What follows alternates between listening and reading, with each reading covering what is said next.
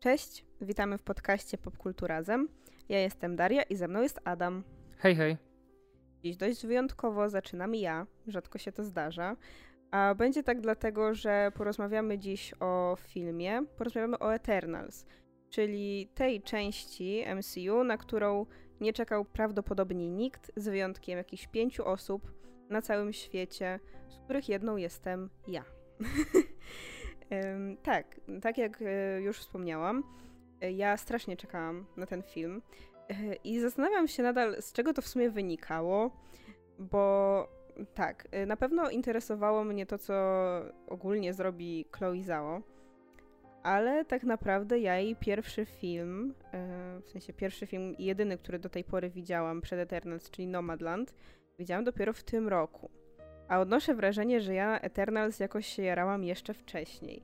Wydaje mi się, że po prostu, nie wiem, przyciągało mnie nieznane, bo w przypadku Eternals mamy troszeczkę e, taki case jak na przykład ze Strażnikami Galaktyki, gdzie mamy znów grupę bohaterów, których właściwie nikt nie zna. W komiksach, no oni oczywiście się pojawiali, ale nie byli też jakoś raczej bardzo znani wcześniej. Właściwie no w Polsce wydaje mi się, że wyszedł tylko jeden tom z Eternalsami gdzieś w wielkiej kolekcji y, komiksów Marvela. Tak mi się wydaje. Ale nigdy nie miałam go w rękach, więc generalnie nigdy nic o Eternals nie czytałam. A jakoś tak strasznie mnie do tego projektu ciągnęło i miałam przez to też ogromne oczekiwania, więc troszeczkę się bałam przed tym seansem. Ja też jestem właśnie zdziwiony, z czego to wynikało, bo I ogólnie z czego wynikało zatrudnienie Chloe Zhao na stołek reżyserki w Eternals? No bo to jeszcze było przed Nomadland, przed dostaniem Oscara, a ona nie ma za dużego dorobku wcześniej, więc to jest ciekawe, że powierzyli tak ogromny projekt kompletnie nieznanej osobie, która dopiero zaczyna swoją karierę. I tworzy filmy, które są zupełnie nie w tym stylu, bo ona no, tworzyła takie filmy, które wyglądały jak kino indie. W sensie takie małe filmy, takie kameralne, bardzo spokojne, a nagle dostaje tak ogromną, coś tak ogromnego, tak ogromny projekt dla Marvela. I to był w ogóle pierwszy właśnie film, który nie był jakimś właśnie dramatem obyczajowym czy czymś w tym stylu. I od razu dostaje coś takiego kalibru. No ja właśnie tego się trochę obawiałem y, po właśnie Chloe Zhao, że po Nomadland, jak oglądaliśmy, które podobało mi się, ale właśnie bałem się, że dostaniemy film, który będzie ładny wizualnie, ale no właśnie troszkę nic poza tym. Trochę obawiałem się kolejnej Duny, która wizualnie mnie zachwyci i te wszystkie obrazki będą naprawdę piękne, ale no to nie może być filmem, no bo same obrazki nie pociągną całego filmu i wiesz, i bohaterowie, którzy będą bez wyrazu, a jednak Chloe Zhao sobie świetnie poradziła i stworzyła bohaterów, którzy są z krwi i kości i każdy jest zupełnie inny. Mhm. Tak, i tak naprawdę każdego z nich możemy poznać. To jest bardzo trudne, biorąc pod uwagę, że mamy tutaj 10 zupełnie nowych osób, o których nigdy nie słyszeliśmy. Ale tak, mm, jeszcze, jak już wspomniałeś o Dune, to ja oglądając ten y, film miałam właśnie jeszcze jedno skojarzenie z Duną, e, ale troszkę inne. To znaczy, w recenzji Duny ja wspominałam o tym, że im dalej w las, tym dla mnie było nudniej. W sensie też dlatego, że ten film trochę nie wiedział, kiedy się skończyć. To znaczy, był jeden moment, który moim zdaniem był idealnym y, momentem na zakończenie. Ale, ale ten film się jednak nie skończył i potem leciał dalej y, po momencie kulminacyjnym. I to było dla mnie troszeczkę dziwne i wybijające z rytmu i przez to męczące. A tutaj w przypadku Eternals mamy film, który trwa właściwie tyle samo. On też trwa ponad chyba 2,5 godziny. Więc tutaj też już była ta obawa, że znów może coś takiego nie wypalić, bo ja generalnie nie jestem fanką bardzo długich filmów. Ale miałam właśnie tak, że im dalej, tym dla mnie było lepiej w przypadku Eternals. Bo początek faktycznie troszeczkę sprawił, że się obawiałam tego, jak ostatecznie to wypadnie. Widzisz co, ja miałem taki problem przy okazji, jak była ta pierwsza scena wprowadzająca, która była świetna. Później rzeczywiście był taki zjazd, mhm. ale z racji tego, że bohaterowie gdzieś tam podróżują w tym filmie cały czas i co chwilę nowi bohaterowie dołączają, tak mam wrażenie, że ta dynamika cały czas idzie w górę i jeszcze jak później mamy ten plot twist, którego w tej Dune mam wrażenie, że trochę brakło, bo ten plot twist w Dune, w Dune był dość wcześnie. Tak. O wiele wcześniej niż tutaj. I właśnie dzięki temu masz takie, wiesz, totalne odwrócenie y, roli, bo w Dune nie było tak. W Dune był ten plot twist i okej. Okay. A tutaj masz jakby, mam wrażenie, kompletne odwrócenie filmu o 180 stopni i tego, co poznaliśmy wcześniej, a tego, co jest później. I mam, miałem wrażenie, że od połowy filmu zaczynam oglądać trochę inny film. Mhm. Tak, to prawda. I właśnie, jeśli już wspominamy o plot twistie, oczywiście na razie nie zdradzimy, co to jest. Powiemy o tym szerzej w sekcji spoilerowej, która wydaje mi się, że będzie bardzo szeroka. I to dlatego, że wydaje mi się, że wreszcie musimy Marvela pochwalić. Dlatego, że zwiastuny pokazały nam tak malutko, tak mało na temat tego filmu, że jestem w szoku. To znaczy, nie wiem jak było z klipami dodatkowymi, bo ja w przypadku Marvela ich nie oglądam, bo generalnie wolę wiedzieć jak najmniej przed seansem, ale zwiastuny pokazują tak naprawdę trochę rzeczy z początku, a jeśli coś pojawia się z późniejszych momentów, to jest tak kompletnie wyrwane z kontekstu, że nikt się tak naprawdę nie domyśli, o co w tym filmie tak naprawdę chodzi. W sensie nikt nie ogarnie, o, co, o czym jest ten konflikt cały, jaka jest tam ta stawka. Bo my wiemy tylko, że no, są Eternals i są te potwory i oni chronią ludzkość przed tymi potworami, koniec. I się wydaje, że to może być jakiś totalnie nudny film o tym, jak oni walczą z potworami, ale kompletnie tak nie jest. I to jest super, że właściwie nic z tego nie zdradzono, bo później, bo ta końcówka jest super moim zdaniem. Ale właśnie, e, wspomniałeś o postaciach e, i o tym, jak zostały bardzo fajnie wprowadzone. I, I to jest fakt, bo dostajemy na samiutkim początku e, właśnie taką scenę inicjującą jeszcze przed nawet tymi napisami, przed tym logiem Marvela, która dzieje się właśnie na samym początku, kiedy Eternals przybywają na Ziemię. Bo zapowiadano, że faktycznie ten film będzie się dział na przestrzeni tysięcy lat. Jest to może troszeczkę na wyrost, bo y, te flashbacki czy tam powroty do przeszłości to nie jest jakaś ogromna część, ale właśnie początek dzieje się właściwie w pie- y, ile tysięcy lat temu? Pięć? albo więcej nawet. 5000 lat przed naszą erą. A, czyli 7000 lat temu.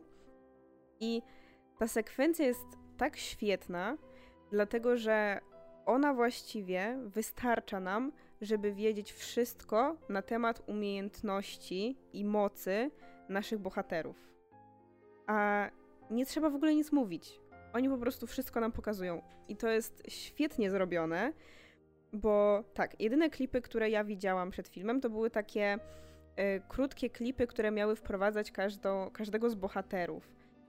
I one tam Marvel na przykład na Twittera je wrzucał, nie wiem czy w innych miejscach też, gdzie właśnie opowiada o każdym bohaterze, y, czym się on generalnie zajmuje, jaka jest jego moc. Ale zupełnie one mi nie były potrzebne, bo naprawdę wystarczy obejrzeć kilka minut pierwszej sceny i już wszystko wiadomo, i jest to bardzo umiejętnie zrobione. I właśnie to jest idealny przykład tej takiej ekspozycji, gdzie ktoś nam pokazuje, a nie mówi. I to już, to, to było super. Potem faktycznie było tak troszeczkę y, w dół, ale, ale im dalej, tym lepiej. No wiadomo, no film zaczął się dość mocnym kopnięciem właśnie wjazdem i Devianta i naszych bohaterów, którzy pokazują swoje umiejętności, więc wiadomo było, że no musi być zaraz jakieś wprowadzenie, no mhm. bo że musimy Musiał... troszkę zwolnić. Tak, musimy troszkę zwolnić, no bo musimy poznać też naszych bohaterów od tej drugiej strony, nie tylko od, od tej strony superbohaterskiej z mocami, tylko od tej strony ludzkiej, której jest też w tym filmie bardzo dużo. Tak, i to też wypada naprawdę bardzo dobrze, bo tak jak właśnie mówiłeś, każdy z tych bohaterów ma charakter i trochę mieliśmy z tym problem w Dune, że my wielu z tych bohaterów moglibyśmy opisać jednym słowem, a tutaj wydaje mi się, że tak nie jest. Bo ja na przykład się obawiałam, jak oglądałam sobie trailery, na przykład o postać Gilgamesha. Mówię, no fajnie, jest chłop i jest silny, ale tak naprawdę ten zwiastun wskazuje tak jakby, no nie wiem, czy tam będzie jakaś głębia w nim, on się wydawał taką postacią bardzo z tyłu, ale oglądasz film i się okazuje, że on jest naprawdę wielowymiarową postacią. Ma więcej charakteru, ma relacje z innymi i zostało to zrobione naprawdę dobrze. Więc faktycznie, nawet jeśli niektórych bohaterów moim zdaniem jest troszeczkę za mało, ja bym chciała ich po prostu obejrzeć więcej, to naprawdę o każdym z nich mogłabym powiedzieć więcej bez żadnego problemu. Dokładnie. Też miałem właśnie taki problem, że e, niektórzy bohaterowie pojawiają się za mało i chciałbym ich więcej, bo wydawały się bardzo ciekawymi postaciami. Rozumiem z czego to wynikało, no bo wiadomo, prowadzenie 10 bohaterów, żeby każdy dostał tyle samo czasu ekranowego na pewno jest trudne, więc po prostu wybrano paru, którzy są tymi głównymi, wiodącymi bohaterami. Ale tak jak powiedziałaś, mimo wszystko o każdym da się powiedzieć coś i nawet jeżeli pojawia się w mniejszej ilości czasu na ekranie, to i tak wiem o nim wystarczająco i tyle, ile powinienem. Mhm. Tak. I też podoba mi się to, w sensie, to jest ciekawie zrobione, bo w pewnym momencie, no, to też możemy się domyślić ze zwiastuna, że nasi bohaterowie się rozdzielają, że są sobie w różnych miejscach. I y, też jedną z takich rzeczy, która mi się podobała, to było to, że nie jest po prostu tak, że każde z nich poszło sobie gdzie indziej i siedzi sobie samo, ale te jakby ich relacje wcześniejsze, które nawiązali, wpływają na to, jak oni się dzielą, że niektórzy właśnie spędzają czas wspólnie, niektórzy zupełnie nie, niektórzy na przykład no, w ogóle nie spędzają czasu z żadnymi ludźmi, niektórzy są bliżej ludzi i jakby właśnie z tego ich charakteru też wynika to, gdzie oni się znajdują później. I to też jest naprawdę bardzo spoko, ale właśnie, bo jak mówimy o bohaterach, to może powiesz tak króciutko, szybciutko, e, jakich tam my w ogóle mamy bohaterów i jakie oni mają moce. Okej, okay, no to mamy. No nie wiem, czy zacznę. Tak, będę gadał totalnie losowo. Była Cersei, która manipuluje materią. Jest Ikaris, który w sumie jest takim supermanem, bo lata i strzela promieniami z oczu. E, mamy Kingo, który strzela pociskami z dłoni. Mamy Sprite, która tworzy realistyczne iluzje. Mamy Fastosa, który jest wynalazcą, no i tworzy różne rzeczy dla ludzkości, co ma później na niego ogromny wpływ. Mamy Makari, która jest nadludzko szybka. Jest Druid, który potrafi kontrolować umysły. Jest Gilgamesz, o którym już wspominałaś, który ma tą nadludzką siłę. Jest Ajak, która potrafi regenerować rany. I mamy Tinę, która potrafi wytworzyć jakikolwiek chce oręż z tej energii kosmicznej, którą posiadają. Ale generalnie właśnie, jak już mówiliśmy, bardzo istotnym jest to, że jakby to nie jest tak z tymi bohaterami, że definiują ich, ich, ich moce i że generalnie to jest jedyna rzecz, e, która jest istotna, bo tam naprawdę pod spodem dzieje się naprawdę bardzo dużo. Aczkolwiek y, o tym porozmawiamy sobie raczej dopiero w sekcji spoilerowej, bo no, dużo jest, y, mówienia o tych relacjach już wykracza poza to, co mogliśmy zobaczyć w zapowiedziach, co mogliśmy poczytać w artykułach, y, które wyszły przed premierą. E, tak, ale e, generalnie jakby taką osią, taką główną bohaterką tego filmu jest Cersei. E, Cersei jest grana, co ciekawe, przez Gemmę Chan, która wystąpiła już wcześniej w MCU i to w innej roli, ona pojawia się w filmie Captain Marvel. Nie wiem, czy wiedziałeś. Tylko była tam niebieska. Nie była człowiekiem ale można było bardzo dobrze zobaczyć jej twarz, więc to jest w ogóle też ciekawa decyzja. I to jest w ogóle ciekawe, bo szczerze mówiąc, e, dla mnie Cersei nie była aż tak ciekawa. W sensie, Cersei nie była dla mnie e, tą najciekawszą bohaterką na pewno. E, to znaczy, oczywiście, znów e, rozumiem jej motywację, rozumiem jej charakter i to wszystko, ale tak naprawdę e, wydaje mi się, że kilku bohaterów z tła zdecydowanie moją większą sympatię zdobyło, tak, tak szczerze. A u ciebie jak było? Wiesz co, tak powiedziałaś, bo na początku wynikało na to, że to Ajak będzie główną bohaterką, bo po pierwsze jest tak jakby przewodniczącą całej tej drużyny, bo ona jako jedyna z nich może rozmawiać z Celestialem. Mhm. I myślałem właśnie, że to ona będzie tą wiodącą postacią i gdzieś tam reszta postaci będzie za nią iść. I właśnie to jest ciekawy zabieg, że przenosimy całą tą fabułę na Cersei, która wydawała się właśnie taką postacią dość prostą, ale i osobą, która nie ma takiej ciekawej mocy. Mhm. I jej postać będzie tą taką dobrą, która będzie pomagać ludzkości. I wydaje mi się właśnie, że przez ten sam fakt, że ona jest najbardziej jakby złączona z ludźmi, y, z, z nich wszystkich, właśnie wpływa na to, że to z jej perspektywy wszystko oglądamy. Chociaż jakby ja oglądając zwiastuny nie myślałam tak jak ty. Ja, ja byłam y, wtedy przekonana, że jakby w centrum będą y, ona i Karis, bo no, było bardzo dużo tych takich scen, które nawiązywały do ich związku i pokazywały właśnie ich, ich relacje na, na przestrzeni lat. Była taka sklejka gdzie oni tam się, się miziają w różnych momentach historycznych. Więc jakby to, to mnie nie zaskoczyło, ale właśnie najbardziej zaskoczyło mnie chyba to, że ona z nich, w sensie nie była jakaś taka strasznie wyrazista.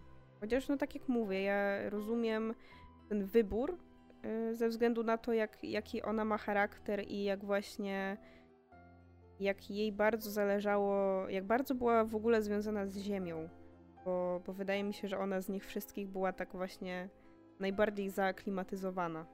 Nie wiem jak ty uważasz, ale bardzo mi się podobało to takie mm, wprowadzenie wątków. E, no bo wiadomo, jak żyjesz, bardzo, jesteś długowieczny, to przeżywasz bardzo długo i przeżywasz wiele katastrof i śmierci innych bliskich ci osób.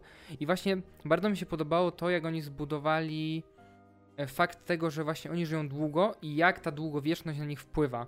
No bo masz na przykład postać e, Faistosa, który jest wynalazcą i tworzy rzeczy dla ludzi, a potem patrzy, jak ci ludzie wykorzystują jego wynalazki nie w takich celach, jaki by on sobie życzył. I jakby to też ma odzorowanie w naszym świecie, nie? Często się słyszy o tym, że jak ktoś stworzył, nie wiem, na broń, no to potem o mój Boże, oni teraz tego używają do zabijania siebie, a nie o to w tym chodziło na przykład, nie? Tak, no wydaje mi się, że akurat y, w przypadku e, Faistosa e, tam było jakby bardzo bliskie nawiązanie właśnie do, do Oppenheimera, czyli do prawdziwego człowieka, który był twórcą, e, jednym z twórców e, bomby atomowej. No, w sumie niedługo zobaczymy o nim film e, od Nolana, więc zobaczymy, jak to tam będzie wyglądało. Ale tak, i myślę, że to nie tyle, nie tylko wynika z samej długowieczności, ale ogólnie w tym filmie bardzo ciekawie pokazano nie tylko właśnie to, że oni żyją długo, ale też to, na jakich zasadach oni się tutaj znajdują. Bo już w trailerze zdradzono nam, że ich misja polega na tym, że oni mogą bronić ludzi, ale wyłącznie przed dewiantami. Generalnie jeśli dewianci nie biorą w tym udziału, to oni nie mogą w żaden inny konflikt się wtrącać. I to też musi być bardzo trudne, bo oni żyją cały czas ze świadomością, że oni równie dobrze mogliby na przykład powstrzymać wszystkie wojny, e, nie wiem, zapobiec wszelkim konfliktom i tak dalej, albo na przykład pomóc ludziom, nie wiem, tworzyć lekarstwa nawet, no nie? Albo po prostu ich uzdrawiać, no bo a jak ma takie moce? ale, ale nie mogą tego zrobić i muszą tak naprawdę stać z boku i to wszystko obserwować.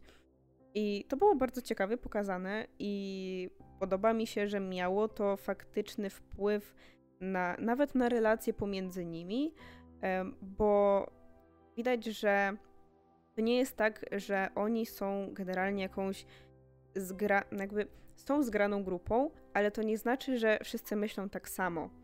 Że generalnie możemy na przestrzeni tego filmu zauważyć, że niektórzy z nich mają troszeczkę inne poglądy i zupełnie inne podejście do tego, co, jak, jak wygląda ich misja w ogóle.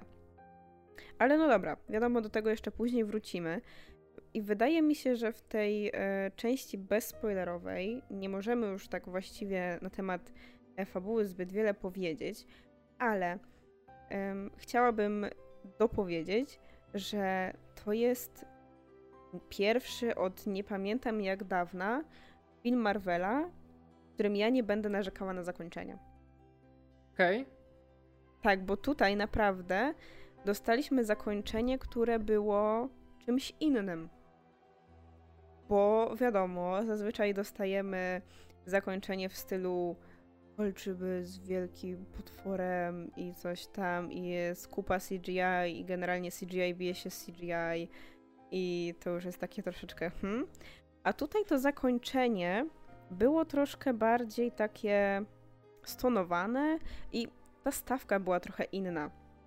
Oczywiście, no nie możemy o tym jeszcze powiedzieć, ale naprawdę mi się podobało, bo dla mnie było fajną odmianą na przykład od tego Shang-Chi, gdzie to zakończenie wyglądało brzydko po prostu, a tu jest ładne i jest fajnie rozegrane.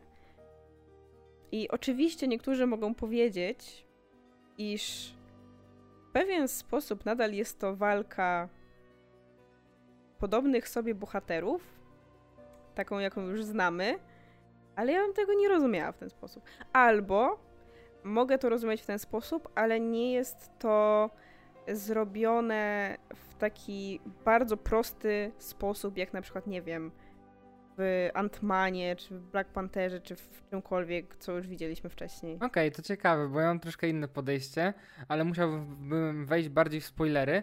E, ja jeszcze zrobię podbudówkę pod swoją odpowiedź do finału, bo pojawiają się dewianci. Wiemy o nich tyle, że oni byli, że zostali wybici przez Eternals i teraz powracają znowu po latach. I ja miałem wrażenie, że ten powrót po latach tych dewiantów był zupełnie niepotrzebny, bo mam wrażenie, że właśnie, że ci dewianci już później byli wrzuceni tak na siłę tylko po to, żeby w finale była z nimi walka, no bo musi być jakaś duża walka na końcu. Ja uważam, że gdyby tego tych dewiantów nie było w finale, uważam, że ta finałowa walka byłaby przez to jeszcze lepsza. Znaczy faktem jest, że dewianci są trochę mało potrzebni. W sensie oni byli potrzebni na początku, żeby Eternals się w ogóle pojawili, ale no tak jak mówisz, y, fakt, o, ich mogłoby nie być później. Ale domyślam się, że no oni byli narzędziem, które miało sprawić, że oni się jednoczą. Znowu. I, i to tyle. Myślę, że myślę, że fabularnie dałoby się ograć to też inaczej, bo pojawiają się też inne przesłanki co do finału, co się wydarzy, więc ci dewianci tak naprawdę pojawiają się, bo mam wrażenie, że muszą, a, a nie to, że są potrzebni. Ale no z drugiej strony, gdyby nie było dewiantów, no to nie wydarzyłaby się ta rzecz, która, no, nie wiem, no, dewianci byli motorem napędowym do tego, co się tam działo. Więc jakby oni, oni byli tylko po to tak naprawdę. no, faktycznie, no, ten film nie, nie wygląda tak, że oni się tylko biją z tymi potworami. Te potwory są jakimś narzędziem. I, I, I, to tyle. Tak, i to ciekawe co do tych potworów i to do CGI, co powiedziałaś. Tak, uważam, że CGI jest świetne w tym filmie. Dawno nie widziałem tak dobrych efektów specjalnych i dewianci są naprawdę zaprojektowani bardzo fajnie, bo to nie są jakieś takie zwykłe, powiedzmy, potwory, zwierzęta wielkie, które właśnie mają przypominać jakieś wie wielkie, futrzane stworzenia, tylko to rzeczywiście są jakieś takie dziwne, grube nitki, które cały czas dziś się na nich poruszają i dla mnie ten efekt był naprawdę świetny. Ja byłem w szoku, jak dobrze jest to zrobione. Dla mnie to wyglądało trochę jak takie właśnie zwierzęta, bo one trochę przypominają zwierzęta, ale takie bez skóry, w sensie jakby to były takie mięśnie pozlepiane. W sumie, no trochę tak, masz rację, no, że to są jakby same mięśnie bez skóry i futra, no. Ale generalnie ja bym powiedziała, że w tym filmie tego CGI nawet nie ma jakoś bardzo dużo. Jakby jasne są dewianci, e, i są jeszcze te sceny, w których e, komunikujemy, znaczy nasi Eternals Eternalsi, bo tak, tak było tłumaczone, Eternalsi y, kontaktują się z Celestialem. O, które też były świetne. One jakby, były prześliczne. Tak, scena przejścia między naszym światem a rozmową z Celestialem wyglądała tak mega i ogrom tego stworzenia tak. robił takie wrażenie. Tak, w sensie to jest czujesz, że to jest jakieś potężna, potężna istota, której masz się bać, bo oni są tak malutcy przy tym, a jakby dla ludzkości oni już są czymś na wzór, nie wiem, jakichś bogów. No bo y, słyszycie, jakie oni mają imiona, tak? No, Chcia, chciałam powiedzieć, znacie angielski, jak Edyta Górniak. sensie e, ich imiona nie są przypadkowe.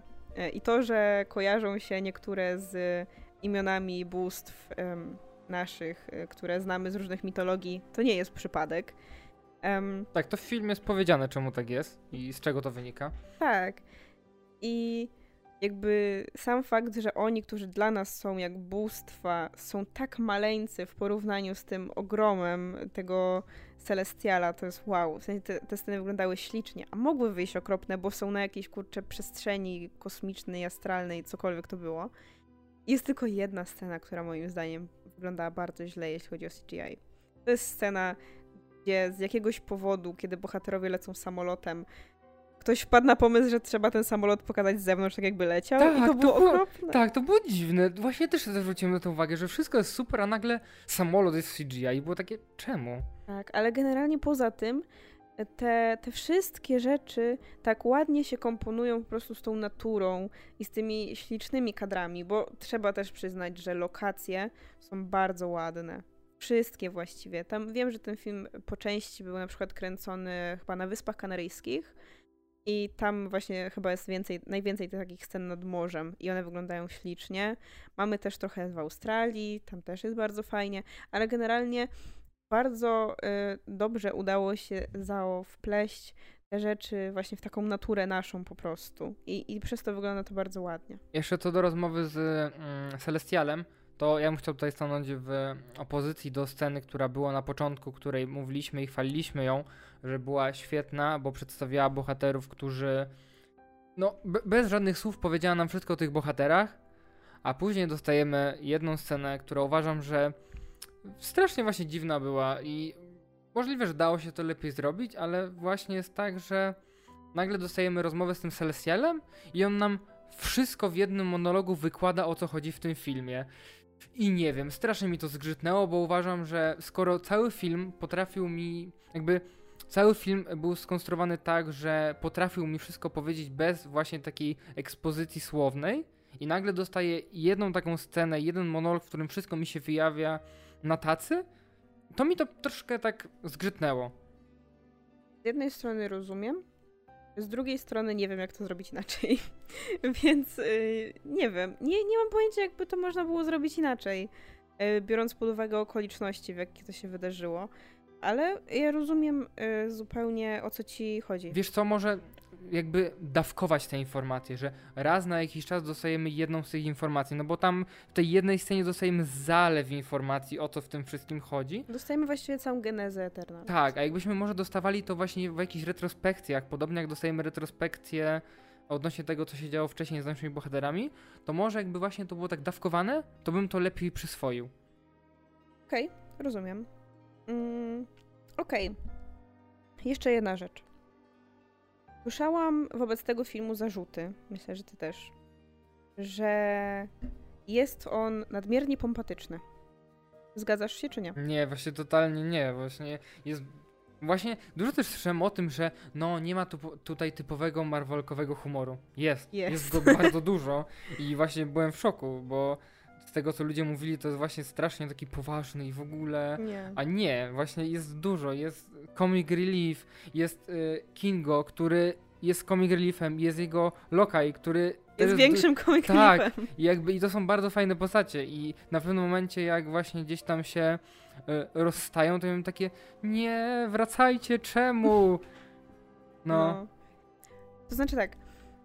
Faktycznie yy, Ajak, czy tam Ajak, obojętnie jak to mówimy, ma takie momenty, że wali takie bardzo yy, wzniosłe przemowy, ale też rozumiem, z czego to wynika, bo ja po prostu odnoszę wrażenie, że jej postać właśnie była zrobiona. Jakby po pierwsze, ona jest liderką drużyny, ona jest tą, która się kontaktuje z Celestialem, yy, więc ona jest jakby, powiedzmy, nie dość, że jest jakby tą boginią, to jest jakby jeszcze ponad, ponad nich i ma kontakt z jakimś, kurde, bóstwem kosmicznym, jakimś ogromnym i jest szefową tej ogromnej misji, która polega na bronieniu ludzkości, więc jakby kumam, a dodatkowo ona, jej postać jest taka bardzo, daje taki vibe takiej matki w stosunku do nich wszystkich Więc jakby ja rozumiem, z czego to wynika, i u niej właśnie najbardziej odczuwałam to, że ona była, bywała taka,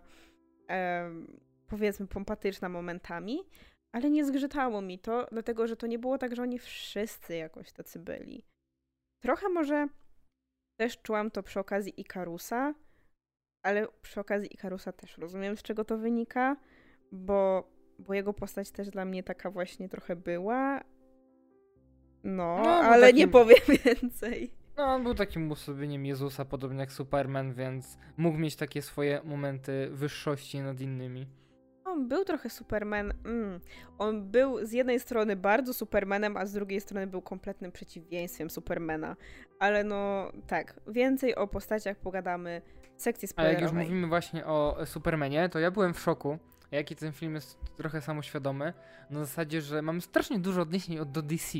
I byłem w sumie zdziwiony, bo właśnie e, gdzieś tam pojawia się, o, to jesteś ten Superman z telewizji. I nawet Faistos mówi do niego to co, jak mam się teraz do ciebie zwracać, Clark? I nawet, nawet jak ten Kingo się później też pojawia i pojawia się właśnie do niego Lokaj, to mówisz, no to jesteście jak e, Batman i Alfred, nie? Coś takiego. Mhm. I takie, wow, jakby czemu to w ogóle takie rzeczy padają? O co chodzi? Znaczy, ja rozumiem dlaczego. Dlatego, że mamy no, przynajmniej dwójkę bohaterów, którzy, no, jak patrzysz na nich, to masz takie. Hmm, widziałem to już gdzieś. No jakby przede wszystkim Ikaris.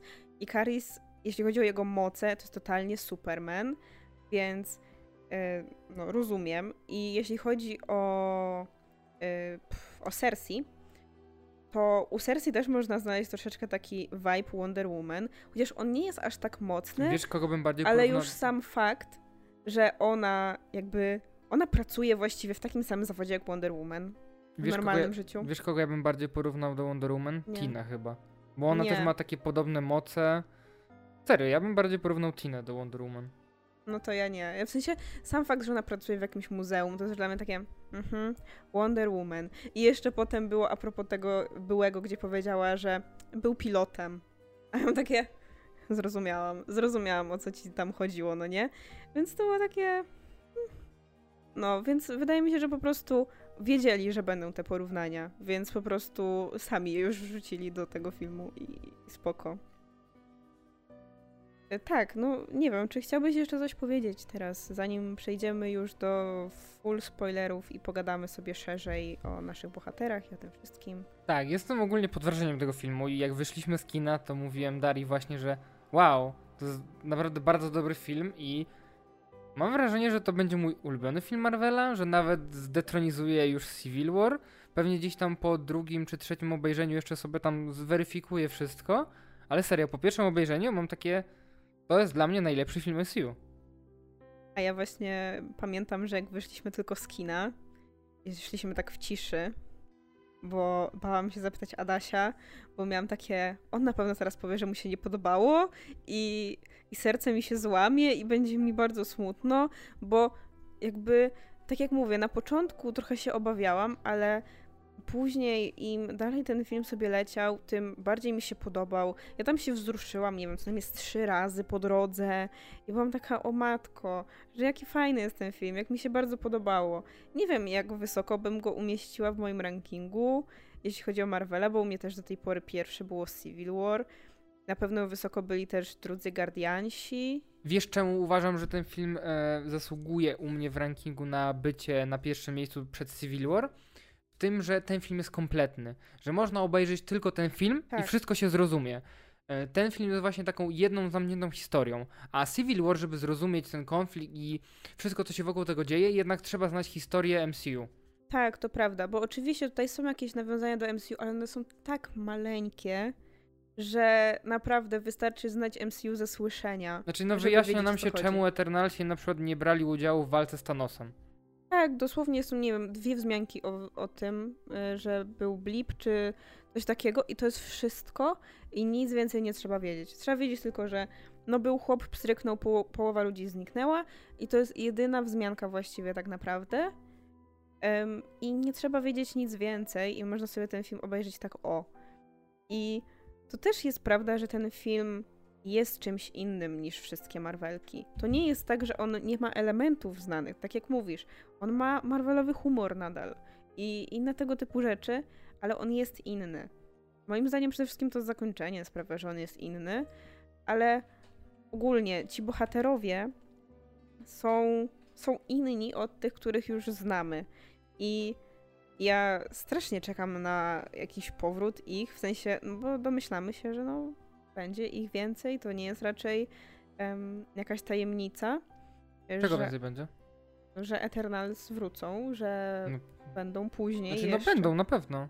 No tak, ale w sensie, no my to wiemy, bo widzieliśmy film, widzieliśmy, co jest na końcu napisane, e, bo Marvel ma w zwyczaju pisać, że kto tam jeszcze powróci. Tutaj dostaliśmy napis, że Eternals powrócą, ale wydaje mi się, że dla y, szerszej publiki, nawet tych, którzy jeszcze nie widzieli, to też jest dość jasne, że to nie jest tak, że to jest jakiś one shot i nikogo nigdy więcej tam nie będzie. Ja mam na przykład nadzieję też, że drugą część, albo może nie drugą część, albo drugi film z tymi bohaterami, bo może się okazać, że druga część nie będzie się nazywać Eternals, e, też będzie reżyserować Chloe Zhao. Bo troszkę po tych negatywnych rece recenzjach właśnie i ludzi, i recenzentów, Bałem się, że no, mogą jej podziękować, że no okej, okay, zrobiła jeden film i koniec, ale mi się wydaje, że odbiór widowni jest o wiele bardziej pozytywny niż recenzentów i to może wpłynąć też na decyzję Marvela.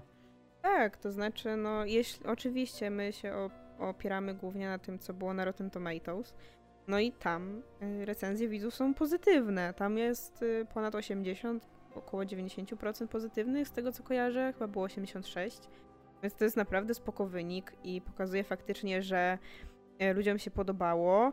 I jeszcze, chociaż akurat nie, e, na Rotten Tomatoes nie można robić e, review bombingu, bo tam chyba oni już wprowadzili, że trzeba potwierdzić, że się było na filmie, jeśli się jako społeczność zostawia ocenę, więc tam nie trzeba na dobrać poprawki, ale na wszystkich innych platformach musicie brać poprawkę na to, że już pierwszy dzień, jak tylko można było oceniać, to y, poszedł review bombing i było mnóstwo jedynek y, za y, rzekomą w cudzysłowie poprawność polityczną w tym filmie, bo niektórym ludziom oczywiście przeszkadza po pierwsze to, że nie mamy tam tylko pięknych, białych, blondwłosych Amerykanów z niebieskimi oczami.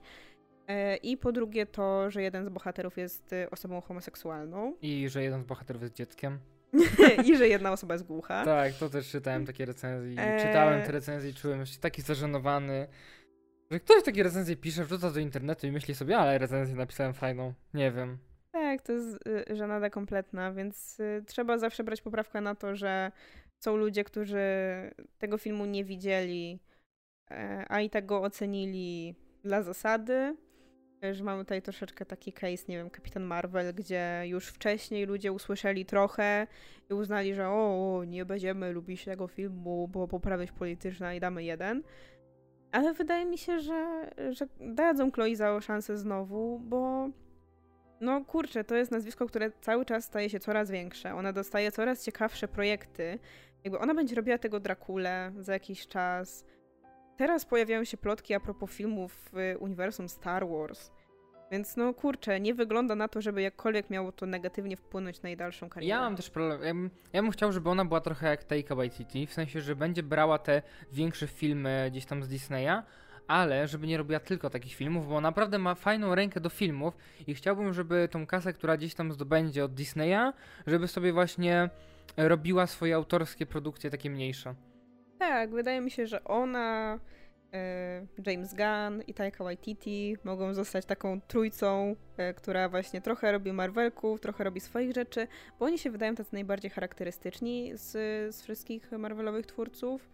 Wcześniej jeszcze się mówiło trochę o braciach Russo, ale bracia Russo jak ktoś robią poza MCU, to im średnio wychodzi.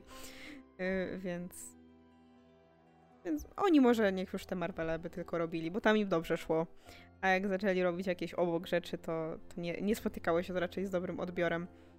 Więc no tak, wydaje mi się, że może dołączyć do tej e, świętej trójcy Marvelowej. Mam nadzieję, że będzie miała więcej okazji, żeby takie filmy tworzyć, bo one wyszły napra- wyszedł naprawdę ładnie i wydaje mi się, że jej styl naprawdę pasował do tego, co tutaj zostało stworzone. A, i jeszcze chciałam jedną rzecz pochwalić. Kostiumy. Kostiumy e, Eternals, e, te takie bojowe powiedzmy, są śliczne. Bo tam generalnie w tym filmie pojawia się dużo takich motywów geometrycznych, że te ich moce, które jakby, które widzimy w jakiś wizualny sposób, wszystkie w jakiś sposób wykorzystują te takie właśnie elementy geometryczne, jakieś kółka, coś tam, coś tam, takie złote. Bardzo ładnie podoba mi się, jak zaimplementowano to do kostiumów i one wyglądają naprawdę bardzo ładnie. Są mało takie właśnie typowo, nie wiem, nie wydają się takie strasznie sztuczne, bo ludzie dużo narzekali na kostium Shang-Chi i no w porównaniu z Eternals, no to kostium Shang-Chi faktycznie wygląda blado i, i nie jest jakiś super.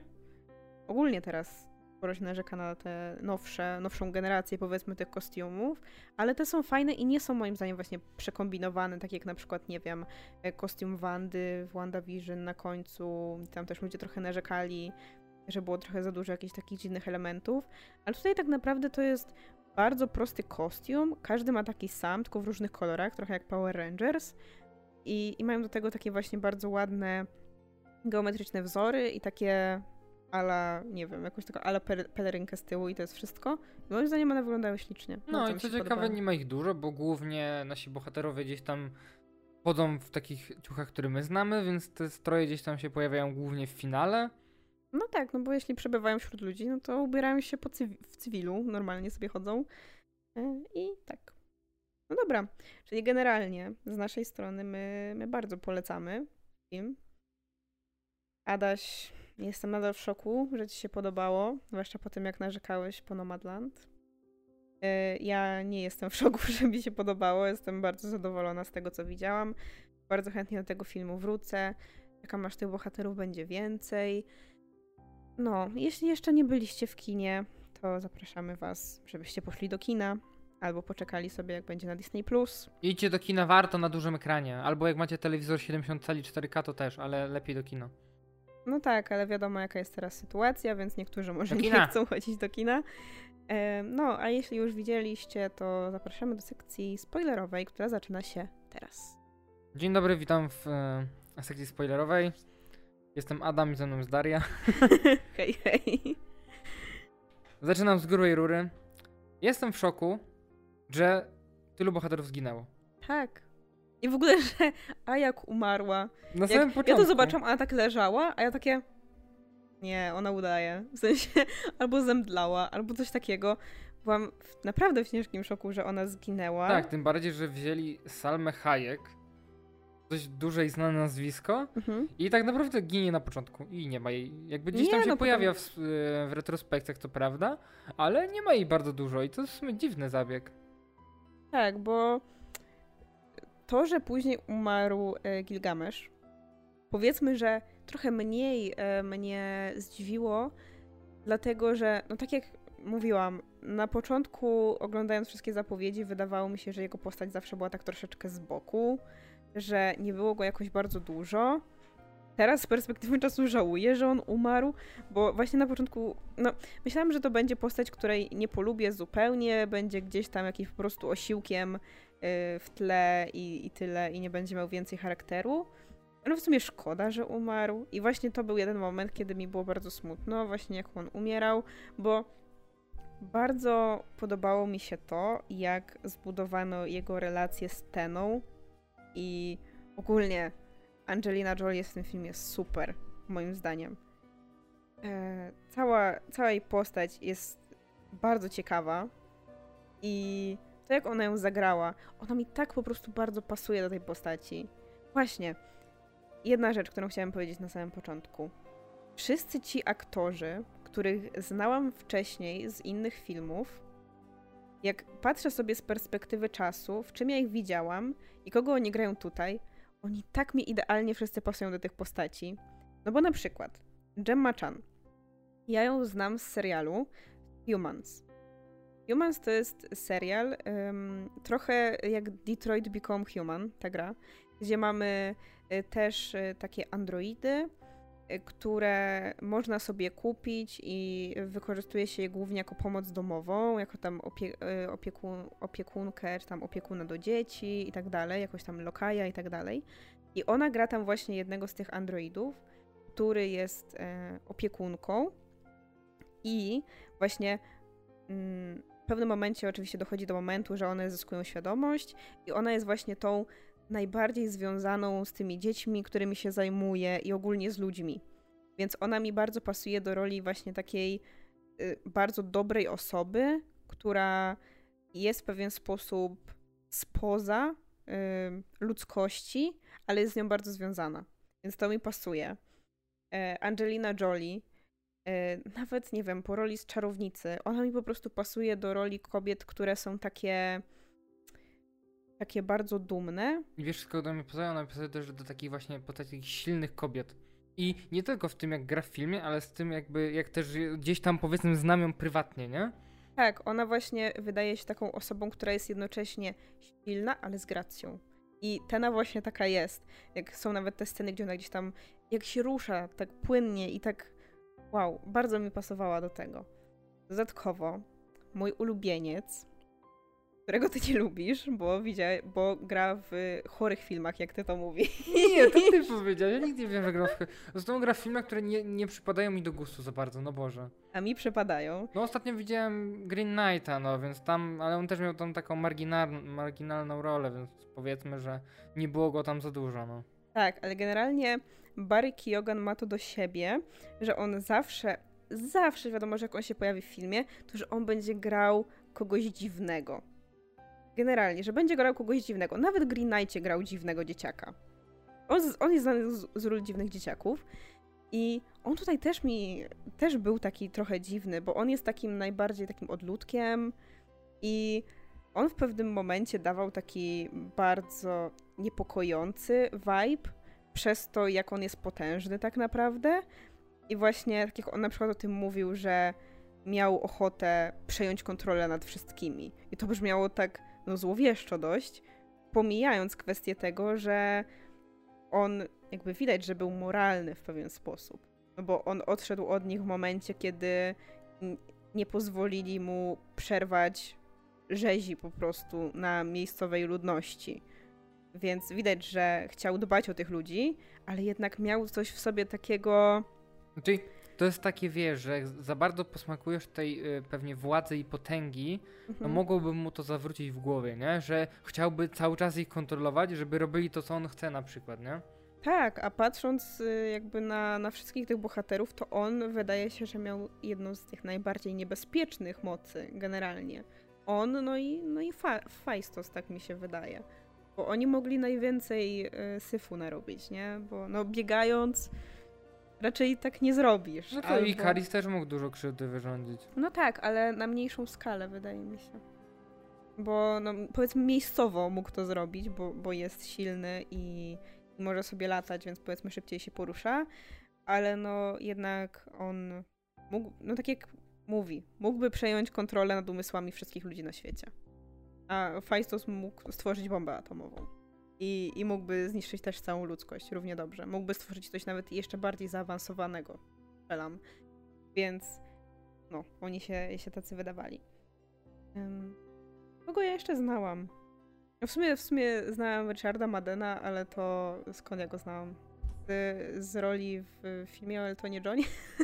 to nie, to tam to nie. Um, no Selmy Hayek to chyba wszyscy znamy. I jeszcze jest taka jedna rzecz która mi się podobała, czyli to, że wszyscy ci bohaterowie, w sensie wszyscy ci aktorzy mogli mówić ze swoimi naturalnymi akcentami. Że nikt się nie bawił w udawanie amerykańskiego akcentu, jeśli nie jest Amerykaninem. Selma Hayek mogła mówić normalnie ze swoim takim e, hiszpańskim akcentem, gdzie niektórzy Polacy pewnie by powiedzieli, że baba nie umie po angielsku mówić. A ona mówi bardzo dobrze, tylko mówi ze swoim akcentem. Richard Madden wyraźnie momentami brzmiał y, szkocko. Barry Keoghan też brzmiał irlandzko i nie było z tym żadnego problemu. I, I to było bardzo fajne, że pomimo tego, że właśnie te postaci były niby stworzone to nie były stworzone od jakiejś tam jednej sztancy. A wiesz czemu? Bo mi się wydaje właśnie, że na tym to trochę polegało. Znaczy, niby w filmie się mówi, że oni byli wysyłani na różne planety, więc zastanawiam się, czy na przykład na różnych planetach byli dostosowywani do tego, jak tam wyglądają postacie. Mhm. To jest ciekawe, bo jak, się, jak jest ta wizja tego Celestiala, to niby oni cały czas tak samo wyglądają, więc ciekawe. Ale ja odniosłem wrażenie takie, że oni byli stworzeni właśnie na wzór ludzi he, e, przez tego Celestiala, właśnie dlatego, żeby upodobnić się do różnych grup etnicznych na świecie. Ja tak to wiem, dlatego właśnie jest postać, która jest dzieckiem, żeby mogła się upodobnić właśnie do dzieci, nie wiem, powiedzmy, że będzie miała z nimi lepszy kontakt. Mhm. Gdzieś tam właśnie masz osobę głuchą, która też powiedzmy jest jakimś tam odpowiednikiem e, jakiejś tam społeczności, jest czarny, tak, więc jakby jest duża różnorodność, tak, więc o, Mhm. o to, ja, ja, ja tak to zrozumiałem, że o to w tym chodziło. Mhm. Ma to w pewien sposób sens. Em, chociaż tak, ja spotkałam się już e, z takim zarzutem gdzieś na Twitterze, że na przykład, no trochę słabe jest to, że Kingo, który jakby no w teorii nie jest pierwszym hinduskim superbohaterem. On nie jest Hindusem w tym filmie. On jest kosmitą. Jest, właściwie potem się okazuje, że jest stworzonym sztucznie bytem, że jest przedstawiony w sposób powiedzmy stereotypowy, bo występuje w Bollywood. Ale z drugiej strony, przecież on jest stworzony sztucznie, więc równie dobrze w momencie, w którym oni się rozdzielili, mógł stwierdzić: Hej, wykorzystam to, że wyglądam jak ludzie w tamtym miejscu, pojadę tam i zrobię tam karierę. Jakby, no bo on nie jest tutaj Hindusem tak naprawdę, więc też jest takie trochę. Ogólnie ja przed tym filmem spotkałam się z kilkoma takimi założeniami, które wyraźnie wskazywały, że no ci ludzie jeszcze nie widzieli filmu albo słyszeli o czymś. Tak samo jak na przykład i była drama na Twitterze a propos tej sceny w Hiroshimie. Trochę już o niej wspominałeś, gdzie dowiadujemy się, że Faistos przez to, że no jakby pomagał ludziom cały czas e, w pewien sposób się rozwijać, oczywiście w jakimś określonym tempie, e, przyczynił się w pewien sposób też do stworzenia bomby atomowej. No i w pewnym momencie właśnie on znajduje się w miejscu, w którym doszło do zrzucenia bomby atomowej i on zaczyna bardzo żałować tego, co się wydarzyło i jest zdruzgotany. I w tym samym momencie on tak jakby stwierdza, że chrzanić ludzi, bo oni nie potrafią dobrze wykorzystać tego, co ja robię, że ja chciałem dobrze i chciałem im pomóc, a oni wykorzystali to do zrobienia innym krzywdy, czyli generalnie nie chcę już mieć z nimi nic wspólnego. I to ma ogromny sens. I ta scena jest mocna i zupełnie ją rozumiem, ale ludzie oczywiście musieli zrobić, no patrzcie, no Amerykany pokazały, że w Hiroshimie zrzucili bombę atomową i to jeszcze ten Bóg cały to zrobił i to jeszcze czarny. Już obrażają y, ten, czy muszą zrobić, że to czarny to zrobił i rasizm. Jakby bez przesady, nie? Wszystko tutaj ma, ma sens w tym filmie. I, I naprawdę w tych scenach, o których ludzie trochę przeżywali wcześniej, jest więcej głębi niż się wydaje.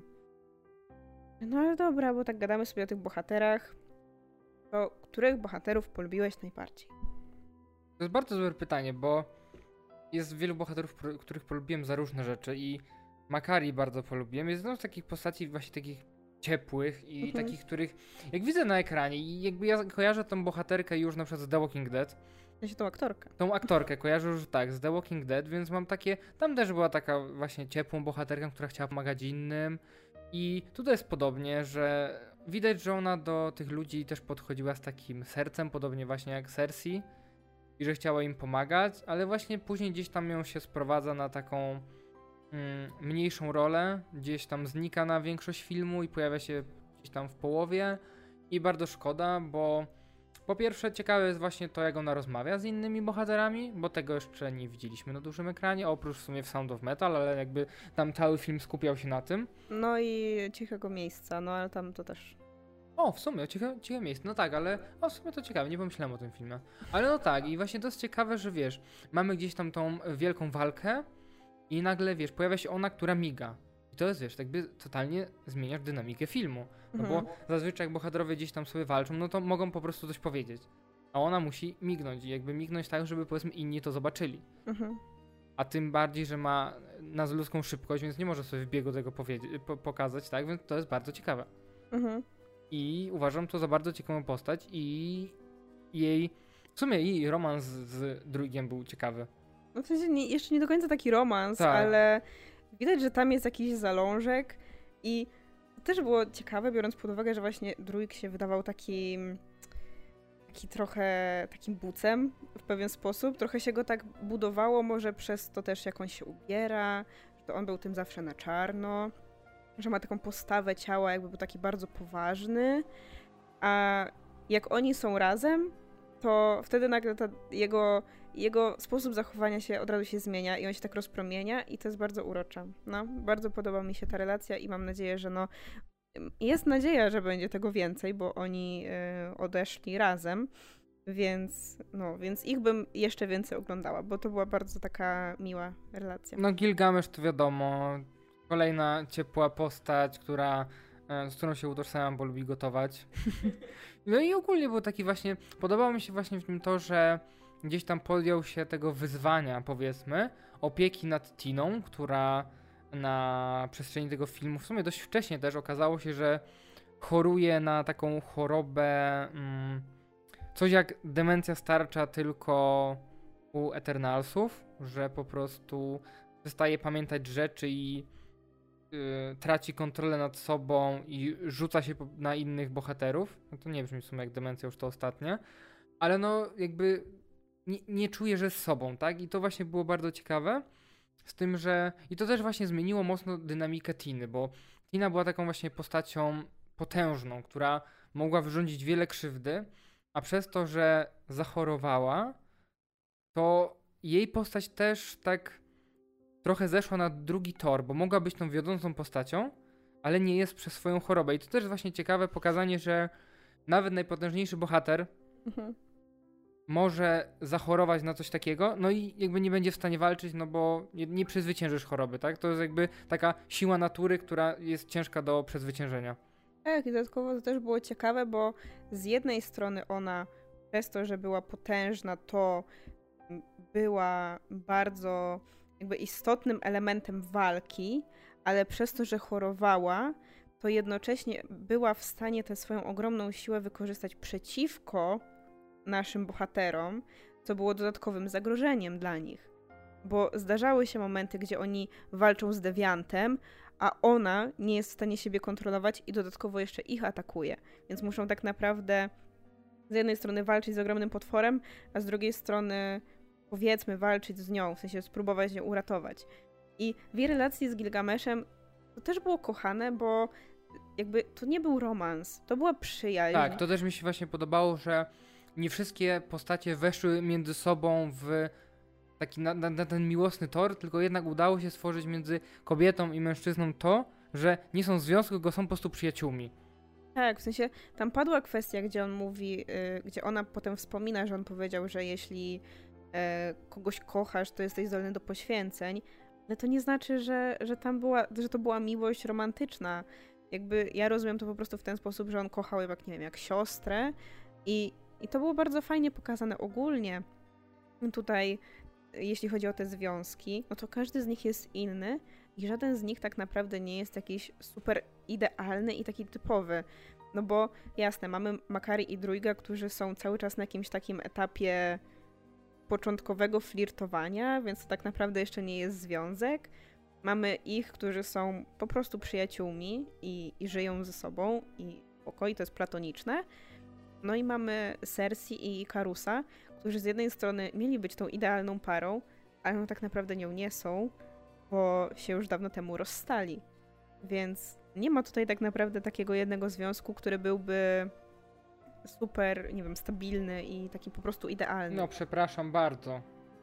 Fajsto ze swoim mężem wydaje się dość stabilnym związkiem. Tak, ale to nie pomiędzy nimi. No nie, ale to prawda. Ale jeszcze jest jedna postać. Ja jestem osobą, która niestety ma słabość do comic reliefów i uważam, że Kingo ze swoim lokajem są jednymi z fajniejszych postaci i dynamika między nimi i to, że ten... Jaki ten lokaj nazywał, pamiętasz? Kazo? Nie, zapomniałam. Ja też nie.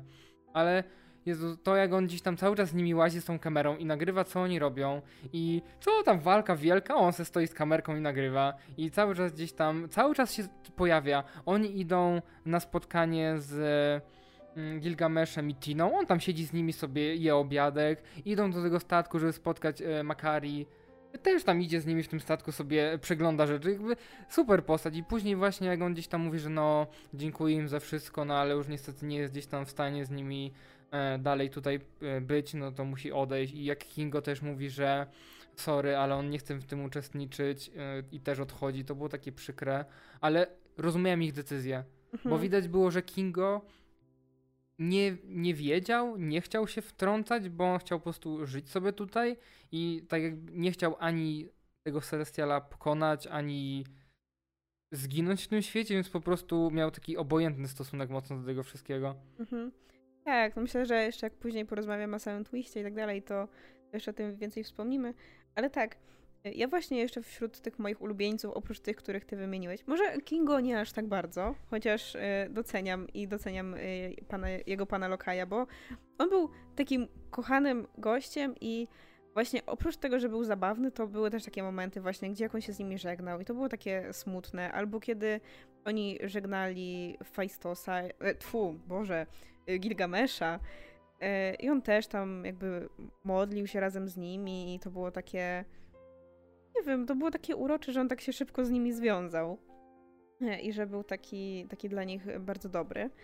Mm, Ale ja właśnie, oprócz tych postaci, które wymieniłeś, ja bym wśród tych moich ulubieńców wymieniła jeszcze Faistosa, właśnie, bo on był też taką, on był strasznie fajną postacią, bo właśnie po tym, jak em, wydarzyła się ta sytuacja, że on jakby odsunął się od ludzkości, z czasem e, poznał swojego męża i wtedy jakby uwierzył w ludzkość od nowa.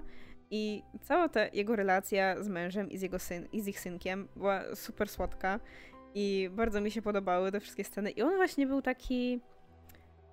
Nie wiem, on mi się wydawał jednym z takich najbardziej ludzkich bohaterów, że był taki bardzo rodzinny, że był taki bardzo skupiony na tym, żeby chronić tą swoją rodzinę, ale był też taki luźny w tym wszystkim, że jak on dyskutował z innymi bohaterami, to był taki taki bardzo przyjemny. On był takim typem kumpla. W sensie, to nie był poziom Kingo, który y, jest dodatkowo takim śmieszkiem cały czas, tylko właśnie był taki takim bardzo ludzkim kolegą, że chciałbyś mieć takiego ziomka i chciałbyś przyjść tam do tego jego męża i do tego jego synka i tam coś posiedzieć, pogadać i fajnie, nie wiem, kawki się napić. I to, był, to była taka bardzo ciepła postać. Też bardzo, bardzo go polubiłam. Ja jeszcze chciałbym wyróżnić tutaj e, w tym momencie Sprite, bo to była postać, której nie spodziewałem się, że będzie miała jakąś taką większą rolę, a ona się pojawia od samego początku i jej problem tego, że jest dzieckiem i nigdy się nie starzeje, też jakby bardzo fajnie pokazane, jak to na nią wpływa, no bo żyjesz tysiące lat i widzisz, jak inni wchodzą w związki, powiedzmy mają dzieci, ale ty nie możesz, no bo jesteś dzieckiem i nigdy się nie zestarzejesz, no i nigdy tej prawdziwej miłości czy rodziny nie będziesz miała. I to też było bardzo ciekawe, jak to na nią wpłynęło. I że cały czas ona ma z tym problem, że gdzieś tam się w kimś zakochuje, no ale nie może, no bo ktoś jest dorosły, a ona wygląda jak dziecko cały czas. Tak, w sensie nawet ona nie może być e, w pewien sposób no, traktowana na równi pomiędzy innymi Eternalsami, dlatego że no, nawet jeśli oni mają świadomość tego, że no, wewnątrz ona jest tak samo stara jak oni jest tak samo dojrzała i tak dalej, no to nadal ona ma ciało dziecka, więc to by było po prostu nie, niestosowne, gdyby traktowali ją na równi sobie i na przykład ktoś wszedłby z nią w związek. To, to by było po prostu mm, no, no niestosowne, no nie? Więc ona tak naprawdę jest cały czas gdzieś odsunięta, że ani nie może z nimi czuć się zupełnie na równi i nawet jeśli przebywa gdzieś z nimi poza mm, powiedzmy ich gronem i jest między ludźmi, no to jest traktowana, nie wiem, jak młodsza siostra albo córka któregoś z nich, E, no bo sama też jakby chciała żyć, no to musiałaby, nie wiem, gdzieś w ukryciu czy coś takiego, no bo jak? Tak naprawdę. Um, I no między ludźmi też, jakby zawsze zatrzymuje się na jednym konkretnym etapie. A jakby, nie wiem, jak jesteś zatrzymany na etapie posiadania ciała 30-latka, to zdecydowanie jest ci łatwiej niż y, mając ciało, nie wiem, 13-latki. Więc y, tak, to było bardzo ciekawe i nie byłam, y, nie spodziewałam się, że wprowadzi się nam ten wątek, że ona tak naprawdę jest zakochana w Ikarisie. I to było coś, co mnie zaskoczyło i było dla mnie bardzo ciekawe. Aczkolwiek no to nie jest jedna z moich ulubionych postaci, bo w sensie jakby nie wzbudzała ona mojej jakiejś wielkiej sympatii, ale faktycznie jej wątek był naprawdę bardzo ciekawy i sam fakt, jak się zakończył, też moim zdaniem pasował do tej postaci. Pasował, ale dla mnie był taki. Nie wiem, wolałbym, żeby nie. Ale no rozumiem, że musiałem mieć szczęśliwe zakończenie. No, nie wiadomo na ile szczęśliwa, no musiałaś do szkoły. No tak. No. E, ale, ale to jest w ogóle też dla mnie ciekawe, jak dużo tych bohaterów właśnie albo zginęło, albo gdzieś się rozeszło, że tak naprawdę ta grupa, ta dziesiątka nam się zredukowała e, znacznie. Gdzieś w finale do ilu? Do piątki? Mm, w sensie zginęły trzy osoby. Ona odeszła, jakby została człowiekiem. No i chyba trójka została porwana. No tak, ale chodzi mi o to, że w finałowej walce mam chyba tylko piątkę ich, nie? Przez pewien czas nie mamy trójka, jest wyłączony. No, też myśleliśmy, że zginął, ale okazało się, że jednak nie, no. Tak, no ale tak naprawdę później ta trójka, która została na ziemi, zostaje porwana, więc zostaje nam, zostają nam trzy osoby. Czyli Tena, Druik i Makari. I ja jestem bardzo zadowolona, bo to właśnie trójka tych właściwie moich ulubionych bohaterów, więc e, no to no zapewne oni będą e, grali większą rolę, jeśli się pojawią później. I fajnie. Chociaż e, Gilgamesz Rip będę tęsknić. Szkoda. Dobra, to przechodząc do wielkiego plot twistu, trzymajcie się. E, Już widzieliście film. Tak, w sumie racja. E, mamy na pewnym etapie, e, no umiera sobie tutaj Ajax. Ajak. Ajak. Ajax to był taki. Bóg. Na pewnym etapie umiera Ajak i tą taką e, przewodniczącą e, tutaj Eternals zostaje Percy i od tego momentu ona z nią, ona rozmawia z tym Celestialem no i mamy ten wielki moment, w którym ujawnia się, że jednak ci Eternals to nie do końca są tacy dobrzy, bo zostali stworzeni tak samo jak dewianci po to, żeby... A w ogóle jak to było z tymi dewiantami? On ich zrzucił na ziemię, żeby... Aha, żeby zniszczyli dinozaury, żeby ludzie mogli się stworzyć, nie? Coś takiego. Tak, że one miały zniszczyć pewne drapieżniki, które nie pozwalały tak. ludziom, ludzkości się właśnie stworzyć, inteligentnym formom życia, bo generalnie kluczem były inteligentne formy życia. Tak, no i właśnie tam było tak, że jednak ci dewianci wyewoluowali później w tych e, drapieżników, więc musieli przylecieć Eternals, żeby tych dewiantów pokonać. I to było bardzo ciekawe, bo jak oni właśnie się dowiadują o tym, że oni są tutaj po to, żeby tylko zwiększać populację na Ziemi, żeby ludzie nie ginęli, bo im więcej ludzi na Ziemi, tym e, Celestial staje się potężniejszy i rodzi się z tego jądra Ziemi. Mhm. I to było bardzo ciekawe właśnie, że dowiadujesz się na pewnym etapie, że jakby z twojej, zginy, z twojej winy zginą miliardy ludzi na świecie. I oni już są teraz też na takim etapie, że nie są tymi zaprogramowanymi robotami, no bo wychodzi na to, że oni nie są kosmitami, oni nie pochodzą z żadnej tam planety Olimpia, tylko Celestial wbił im to do głowy i rzucił ich na Ziemię, żeby mieli jakiś cel w swoim życiu też, że kiedyś wrócą na tą swoją planetę. I to też właśnie właśnie, i to też jest właśnie bardzo ciekawe, że no oni już nie są na tym etapie, że są tymi robotami bez emocji, tylko jakby już przez te 7000 lat zaklimatyzowali się na Ziemi, polubili ludzi, może nie wszyscy, ale większość z nich jakby zżyła się z tymi ludźmi, więc no nie chcą, żeby zginęli. Tak, i dodatkowo dostają też informację, że to nie jest pierwszy raz, że to nie jest ich pierwsza misja, tak jak im się wydaje, że prawdopodobnie tych misji wcześniej było wiele, więc oni tak naprawdę doprowadzili do zniszczenia wielu planet, które były zamieszkane, tylko po prostu usunięto im pamięć. Tak, i to też nie jest tak, że ta planeta sobie niszczy się i powstaje Celestial, tylko tam też jest powiedziane, że jak jedna planeta się niszczy i ginie te miliardy ludzi, no to z tych odłamków chyba jest powiedziane, że tworzą się inne planety, na których powstaje nowe życie. Więc jakby z tej jednej powiedzmy planety, która już istnieje, tworzą się inne planety, na których może stworzyć się życie, tak? To znaczy, generalnie tam jest informacja, że celestiale zajmują się tym, żeby wszechświat działał. Czyli, że w momencie, kiedy nie pozwalasz kolejnym celestialom się rodzić, które by utrzymywały jakoś ten porządek, właśnie tworzyły nowe planety, podtrzymywały te słońca, które tam działają i tak dalej, no to tak naprawdę, gdyby nie było celestiali, to nie byłoby w ogóle życia we wszechświecie.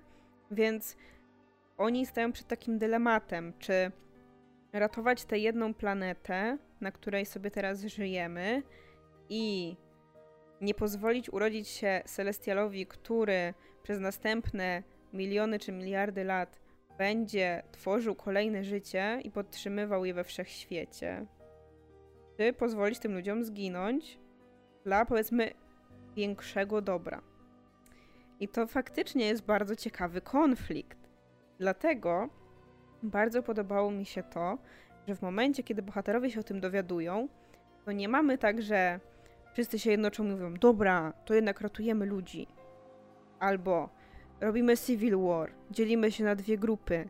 Tylko mamy bohaterów, którzy chcą bronić ludzi, mamy bohaterów, którzy chcą się poświęcić misji i mamy tych, którzy generalnie są w kropce. I, i to jest spoko, że właśnie są ci tacy bohaterowie, którzy oni tak naprawdę nie, nie wiedzą, co oni by zrobili. Oni są po prostu w rozkroku gdzieś i z jednej strony faktycznie rozumieją, oni też by chcieli uratować tą ziemię, ale z drugiej strony mają właśnie tę wizję tego powiedzmy większego dobra i, i to jest bardzo fajnie zrobione. Bardzo mi się to podobało. I właśnie w tym etapie mam ten problem, że ci dewianci dalej są, bo ja bym wolał właśnie, żeby ta finałowa walka rozegrała się właśnie między Eternals, a ten Deviant spadła, nie potrzebuje go, bo on jak gdzieś tam się pojawia, później w tej, jakby na tej wyspie, gdzie ten Celestial ma się urodzić, ja miałem takie, że jego nie potrzebuje. Niby ta Tina z nim walczy i ona go tam odciąga od tego, żeby Ikaris mógł walczyć z naszymi bohaterami. I w sumie jest Pride trochę też. Ale miałem takie, no ten Deviant przeszkadzał mi bardzo w tym momencie już. Czy ty w tym momencie obrażasz Billa Skarsgarda? Tak.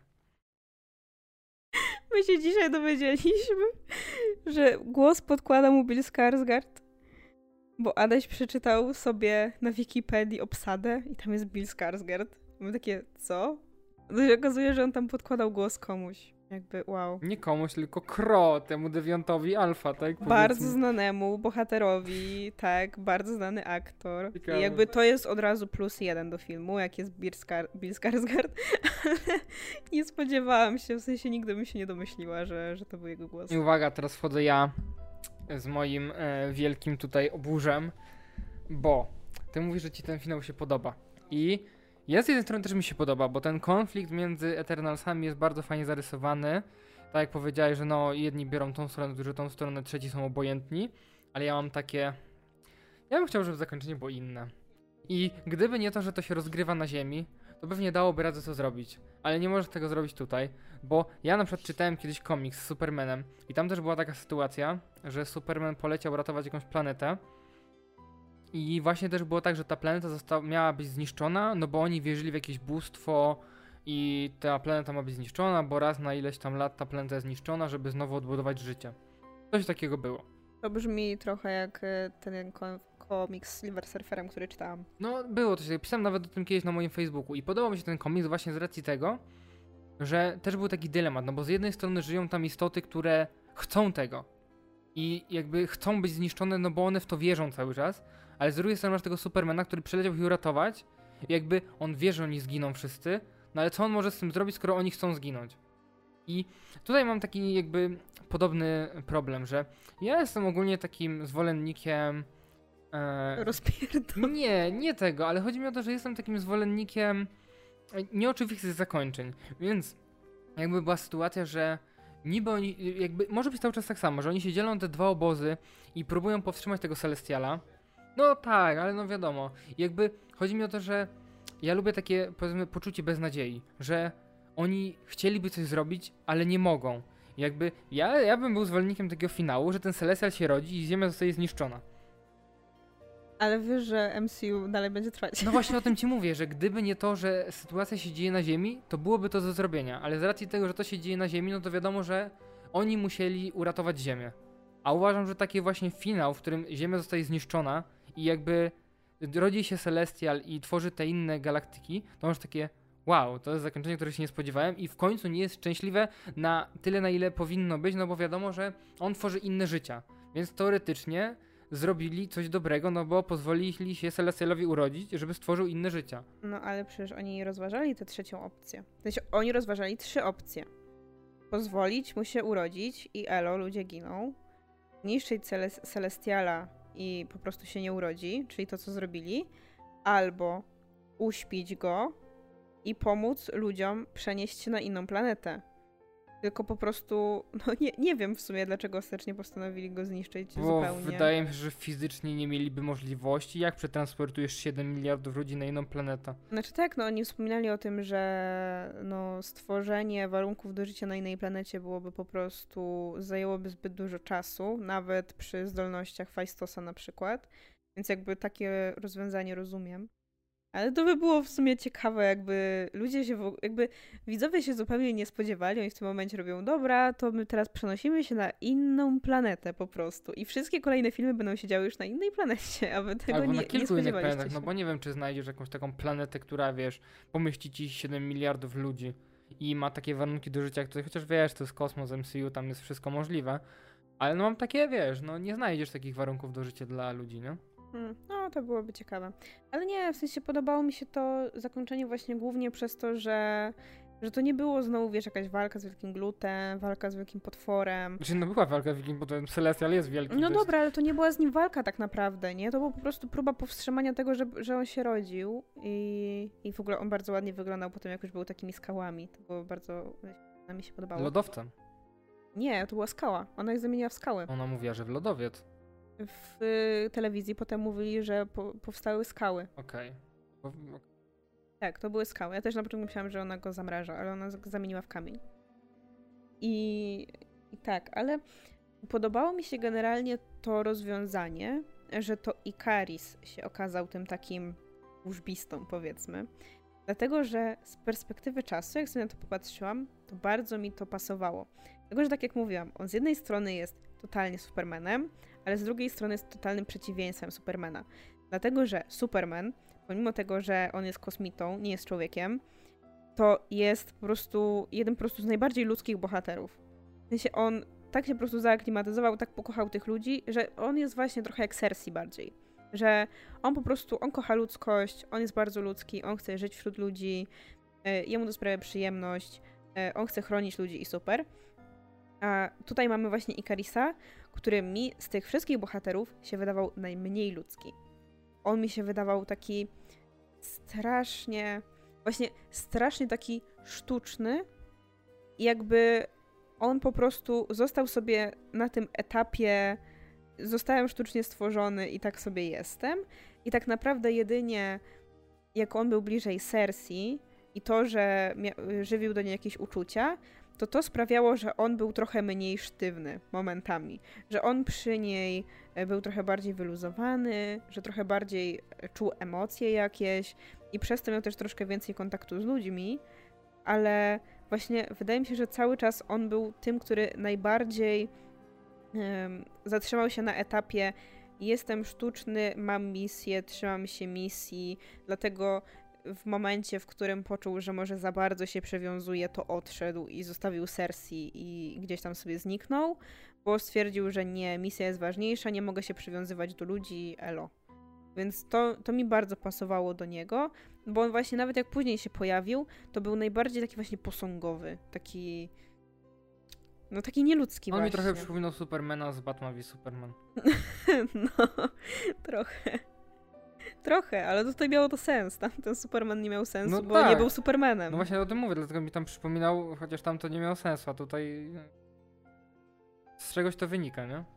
Tak, więc ogólnie właśnie pod tym względem mi się to bardzo podobało i w finale jest jedna z najfajniejszych scen, czyli walka Makari z Ikaris.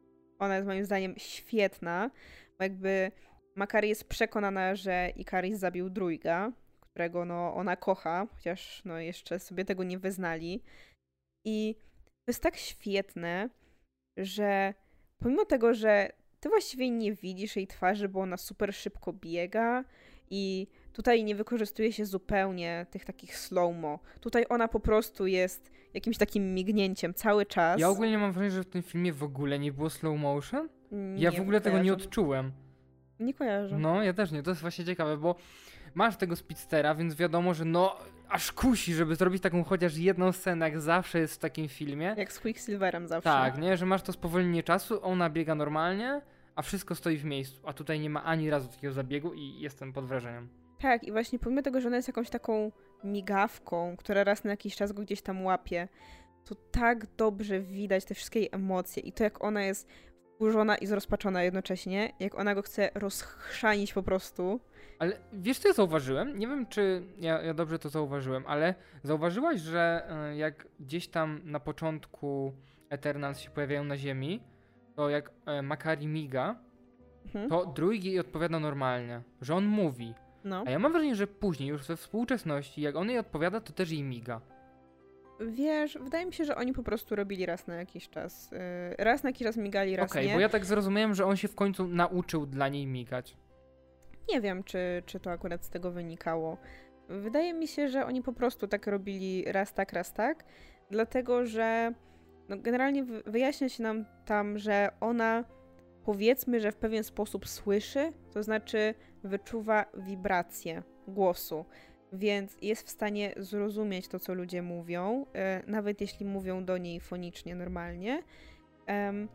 Ale może tak być, bo w sumie on, e, że on wykorzystuje miganie w momencie, kiedy chce być dla niej miły, bo on tam wtedy mówi do niej, czy tęskniłaś, czy coś takiego i że to było takie ho, ho, ho, fifa rafa, więc może faktycznie dlatego wtedy specjalnie migał, ale nie wydaje mi się, żeby wcześniej nie umiał, bo, bo w sumie Kingo do niej migał już na początku, nie? Nie? racja. No. Ale tak jakby zwróciłem do uwagi, że wcześniej nie migał, a później miałem wrażenie, że migał do niej. No, ale to była naprawdę bardzo dobra scena i jakby, kurczę, tam było czuć masę emocji i ogólnie sceny walk. Szkoda w sumie, że nie wspomnieliśmy o tym w scenie, y, w części bezspoilerowej, ale sceny walk są tutaj zarąbiste i one często są długie i nie ma tu tylu cięć.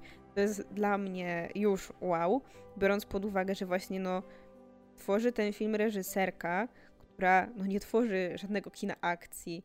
Ona tworzy filmy, które są raczej takie spokojne i stonowane, a naprawdę świetnie te sceny akcji wyszły. Tak samo jak jest y, scena y, bitwy w tej osadzie, gdzie jak oni przychodzą do Druiga go namówić i tam w pewnym momencie pojawiają się dewianci i oni walczą i tam też jest taka scena, gdzie na przykład y, właśnie Ikaris walczy z tym dewiantem jest takie bardzo długie ujęcie, gdzie się tam szarpią i on potem tak wbija w ziemię i on uderza tym swoim promieniem z oczu. Tak, albo gdzieś jak ten Kingo biegnie i strzela do nich z rąk, to też rzeczywiście jest takie dłuższe ujęcie, jak on biegnie, bo oni kogoś tam powalili, nie? I on biegnie jej pomóc Mhm. i właśnie też jest takie dłuższe ujęcie. Też to właśnie zauważyłem, że sporo z takich e, dłuższych ujęć to właśnie było takie wow, to się rzadko zdarza w MCU. Tak, że nie miałam właśnie takich zgrzytów, że pocięli mi to za bardzo, tylko te sceny były takie właśnie płynne i ta kamera często tak kręciła się dookoła i nie wiem, bardzo mi się to podobało i bardzo mi imponowały w ogóle te sceny walk i bardzo fajnie wykorzystywano moce różnych bohaterów, no bo nawet właśnie Makari, to nie było tak, że ona tylko przez cały film jej moc służyła do tego, żeby ona biegała, zabierała tych ludzi z miejsca zdarzenia, żeby ich ochronić.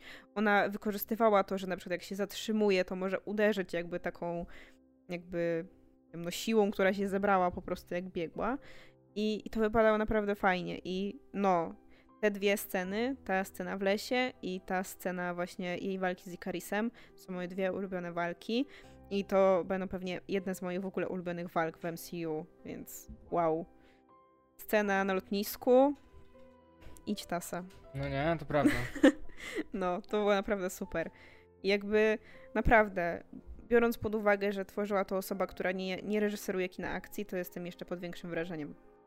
O, jeszcze wracając do y, tej walki z Celestialem, znaczy powiedzmy walki z Celestialem, to ja się zastanawiam, jaki będzie to miało wpływ na e, resztę MCU. Czy w innych filmach gdzieś będziemy obserwować tą wielką jego głowę, która cały czas wystaje z oceanu, no bo ona zmieniła go w skałę, tak? Więc mhm. i gdzieś tam pod koniec filmu też mamy, że no, jakiś obiekt pojawił się na mapie, że tutaj jakaś wielka skała wyszła z oceanu. I zastanawiam się, czy to jakby gdzieś kiedyś będzie to jeszcze wspomniane, że coś takiego istnieje na tym świecie.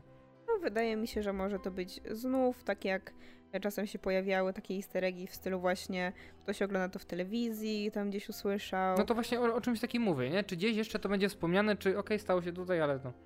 No, ale właśnie tak się też zastanawiam, y, czy jakby sam ten element wprowadzenia tego Celestiala to nie jest troszeczkę też takie nawiązanie do, do kryzysu klimatycznego? Jest, w sensie, było. bo to jest tak naprawdę walka z siłą natury. Dodatkowo tam była jakaś wzmianka na temat lodowców. Tak, że... bo tam było o tym, że ci dewianci byli, jakby niektórzy dewianci byli ukryci w lodowcu, ale przez topnienie lodowców oni jakby znowu się pojawili. Bo A to topnienie było... lodowców było spowodowane tym, że Celestial już zaraz się urodzi. Tak, no i tak, tak, tak, było. I te trzęsienia ziemi, które on wywoływał przez to, że się rodził, no było sporo o tym, tak, też to zauważyłem. Tak, czyli właśnie oni jednocześnie walczyli trochę właśnie z naturą, i z tą siłą natury, która się zmienia w pewien sposób. I no, tutaj też ludzie mieli na to wpływ, biorąc pod uwagę, że im więcej ludzi, tym więcej energii dla Celestiala i tym więcej bliżej jego narodzin. Więc generalnie, tak jak u nas, no, ludzie przy, przyczyniają się do efektu cieplarnianego, do zwiększenia temperatury, ym, ogólnie naszej atmosfery, tak tutaj też. Im więcej ludzi, tym bliżej do tej katastrofy i do zniszczenia ostatecznie. Więc to bardzo, bardzo mądre, pani Zao. No dobra, to wydaje mi się, że możemy przejść do scen po napisach. Bo cóż więcej nam pozostało. Pierwsza scena po napisach to była ta scena, która wzbudziła najwięcej emocji i która została mi zaspoilerowana. Na Twitterze również. E, przez pewnego użytkownika, którego niku nie podam, ale jest to osoba znana w pewnych kręgach. E, tak, i to jest scena, w której pojawia nam się Harry Styles. E, to znaczy Harry Styles w roli. W roli Erosa, tak? Ile dobrze pamiętam. I nie wiem, czy tak sobie wyobrażałam tę scenę. W sensie, jak wchodzi ten jakiś kurde gnom, miałam takie, co to jest i dlaczego to jest takie brzydkie? Bo okropnie wygląda ten, ten CGI gnom. No, to prawda. To była jedna z tych rzeczy, która rzeczywiście się wybijała. On wyglądał dziwnie. Tak, i właśnie zastanawiam się, musieli go robić w CGI? Nie mogli kogoś. Jakby wiem, że obsadzanie osób niskorosłych jako krasnale, gnomy i tak dalej, to jest już trochę przeżytek. W sensie jakby ileż można, czy oni mogliby mieć normalne role, a nie tylko jakieś dziwne krasnale. Rozumiem, jeśli to było tym podyktowane spoko, ale strasznie mi się właśnie wybijała ta postać tego Pipa, czy jak on się tam nazywał. I jestem w sumie ciekawa tego, jaka będzie ta rola. W sensie, wiadomo, Harry Styles jest nadal początkujący, jeśli chodzi o aktorstwo. Ja go znam z Dunkierki i w Dunkierce faktycznie to była jego pierwsza rola z tego, co kojarzę i była wow. I w sensie była na pewno wymagająca, bo od razu była w takim filmie z dużym ładunkiem emocjonalnym, a wydaje mi się, że tutaj ta jego rola będzie bardziej taka komediowa. Więc jestem w sumie ciekawa, bo nigdy go nie widziałam w takim wydaniu i jak to w ogóle wyjdzie. I w sumie to pasuje na taką postać, no bo Eros domyślam się, że ma coś wspólnego z miłością. W sensie, że nie wiem, że musiał być jakiś super przystojniak, więc wydaje mi się, że Harry Styles pasuje, bo komu się Harry Styles nie podoba. Strzelam, że to może być właśnie totalne przeciwieństwo Thanosa, bo to jest jego brat. I mam trochę tak. wrażenie, że on będzie takim jakimś przeciwieństwem. Hmm. Chociaż nie znam go z komiksów, nie wiem, pewnie jakbym poczytał, bym się dowiedział, co to za postać, ale nie, nie doczytałem jeszcze. No tak, no jakby już y, widzimy, że no różni się na pewno tym, że Thanos jest taki super poważny, a on tu się wydaje taki właśnie y, trochę bardziej śmieszkowy i taki kokieciarski. Y, jestem ciekawa, naprawdę, jak to, jak to wyjdzie i jaką w ogóle będzie miał rolę w przyszłości. No bo jasne, y, domyślamy się z tej y, końcówki, że Eternals, y, ci, którzy pozostali, ta trójka, z jednej strony, znaczy właśnie, bo oni ostatecznie oni się dowiedzieli, że tam ci zostali porwani, chyba tak. Tak, było to, że oni wyczuli, że mm, e, oni chyba chcieli się skontaktować z osobami, które, e, tymi Eternalsami, którzy zostali na Ziemi, ale nie mogli. Jakby powiedzieli, że chyba musimy wrócić, bo coś się stało. No tak, bo mm, początkowo mieli po prostu poszukiwać innych Eternalsów, bo to nie jest tak, że Eternals są tylko na Ziemi, ale generalnie różni Eternals są na różnych planetach, z których ma się urodzić Celestial. E, I oni mieli właśnie ich poszukiwać. E, no, i wychodzi na to, że jednak jakby jeśli się pojawią później, to nie dlatego, że będą szukali w kosmosie kogoś, tylko będą się starali odbić tamtych z rąk Celestiala w jakiś sposób. Więc tak czy siak raczej będzie to film miczny bardziej. Mm, że na Ziemi się za dużo nie będzie działo, że będziemy gdzieś w kosmosie, co jest ciekawe, bo tego kosmosu nadal nie mieliśmy dużo. Mieliśmy tylko trochę w Strażnikach Galaktyki, a poza tym to nie bardzo. Ja jestem ciekawa, jak to się rozwija. Natomiast druga scena po napisach mm, pokazuje nam Kita Harringtona, o którym w sumie nie powiedzieliśmy nic w tym filmie, ale był... Bo nie był ciekawy. Tak, po prostu był, nie? Jakby... Byłem w sumie ciekawy, czemu zatrudnili tego aktora, teraz już wiem, bo w scenie po napisach otwiera jakąś skrzynię której jest miecz, którego do, do niego coś tam szepcze i jemu przerywa jakiś głos, który coś do niego mówi i to w sumie mhm. tyle. I z tego, co doczytałem i jest to potwierdzone, to ten głos, który przerwał mu e, romans z mieczem, to jest Mahershala Ali, który ma grać Blade'a.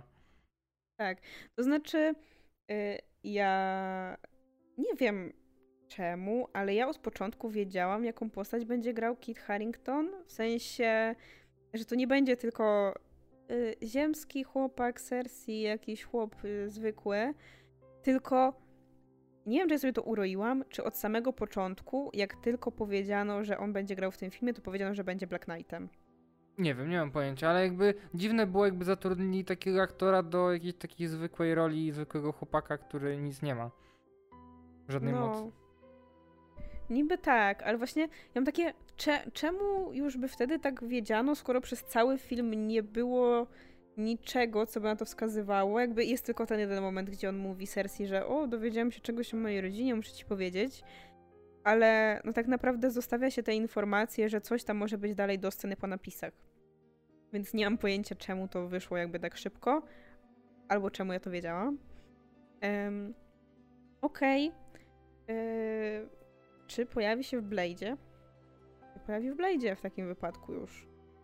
E, ale szczerze to, to mnie mniej ciekawi na razie. Nie wiem, nie mam jeszcze żadnego, żadnych oczekiwań w stosunku do Blade'a. Poza tym, że będzie tam grał Mahershala Ali. Dobry aktor. I jestem ciekawa, jak wypadnie w takiej roli w filmie bardziej akcji, w takim superbohaterskim. No bo jednak to nie jest raczej taki rodzaj kina, z którym nam się on kojarzy. Kojarzy się bardziej z, z ambitnymi rzeczami. Ale spoko, okej, okay. jestem ciekawa. Chociaż e, nadal bawi mnie to, że jak jest aktor, który, czy bohater, który jest brytyjski, musi mieć kurde miecz. Zawsze miecz. Nie ma nic innego związanego z Wielką Brytanią, co nie jest połączone z legendami arturiańskimi. Tam tylko legendy arturiańskie było i nic więcej, zero innej kultury. Teraz już tylko ryba i frytki i nic więcej. No nie? Więc zawsze musi mieć ten miecz, tak jak e, w, w X-Menach obecnie, jak jest e, kapitan Brytania, czy tam kapitan Brytan, jak to powiemy, to musi być w zbroi z mieczem. Okej. Okay. Takie mają, e, Amery taką mają Amerykanie wizję Europy albo Wielkiej Brytanii samej. Ciekawe. No dobra, chyba kończymy, nie? Chyba tak. Dziękujemy za uwagę. Mnie możecie znaleźć w internecie pod nickiem Adaś Alex. A mnie możecie znaleźć na facebookowym fanpage'u Ocieplenie wizerunku Skandynawii o skandynawskim kinie i na książkowym Instagramie Daria Podłoga OWS. I do następnego, papa. Papa.